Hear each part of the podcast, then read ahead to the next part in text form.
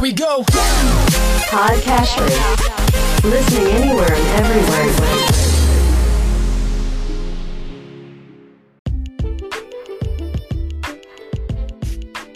Welcome to Weekly Investment Podcast bersama saya Ferdian Syahputra dari Ispring Investment Indonesia untuk Prudential Indonesia. Berdasarkan pengertian pada umumnya, indeks merupakan sebuah indikator atau alat ukur untuk mengukur perubahan pada objek tertentu di setiap periode tertentu. Dalam dunia keuangan, indeks mengacu pada sebuah pengukuran statistik untuk mengukur perubahan secara umum dari pasar keuangan, seperti pergerakan harga di pasar saham. Secara khusus, indeks saham adalah ukuran statistik perubahan gerak harga dari kumpulan saham yang dipilih berdasarkan kriteria tertentu. Indeks harga saham dibuat dalam beberapa pilihan, tergantung dari saham-saham yang dimasukkan, sektor dari saham-saham tersebut, hingga pembuat indeks itu sendiri. Jumlah emiten yang dimasukkan juga berbeda-beda di tiap indeks. Dalam penggunaannya, indeks saham berfungsi untuk mengetahui pergerakan harga saham secara umum dan juga patokan kinerja pasar modal suatu negara. Di Indonesia, indeks harga saham yang paling dikenal ialah indeks harga saham gabungan yang biasa disingkat dengan IHSG.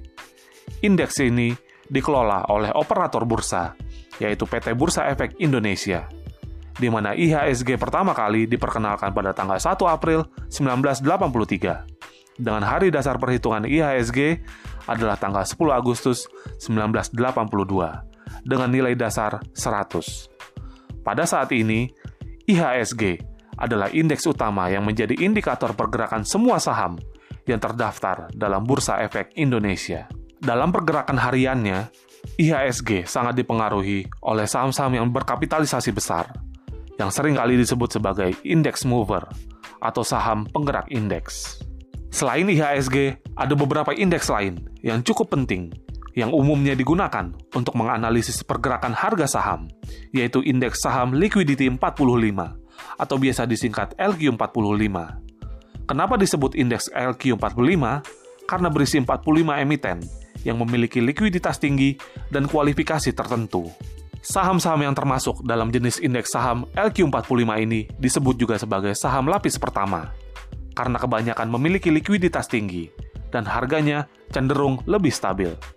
Jenis indeks saham ini juga bisa dikatakan sebagai salah satu alternatif pembanding untuk IHSG, karena pada dasarnya dibuat sebagai pelengkap IHSG.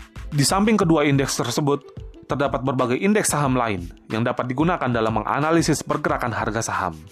Di antaranya ada indeks IDX 30, IDX 80, Kompas 100, Bisnis 27, dan Pevindo 25. Keseluruhan indeks tersebut sangat berguna untuk menjadi pembanding dari kinerja dana investasi yang dimiliki, agar dapat mengevaluasi hasil investasi yang telah didapat.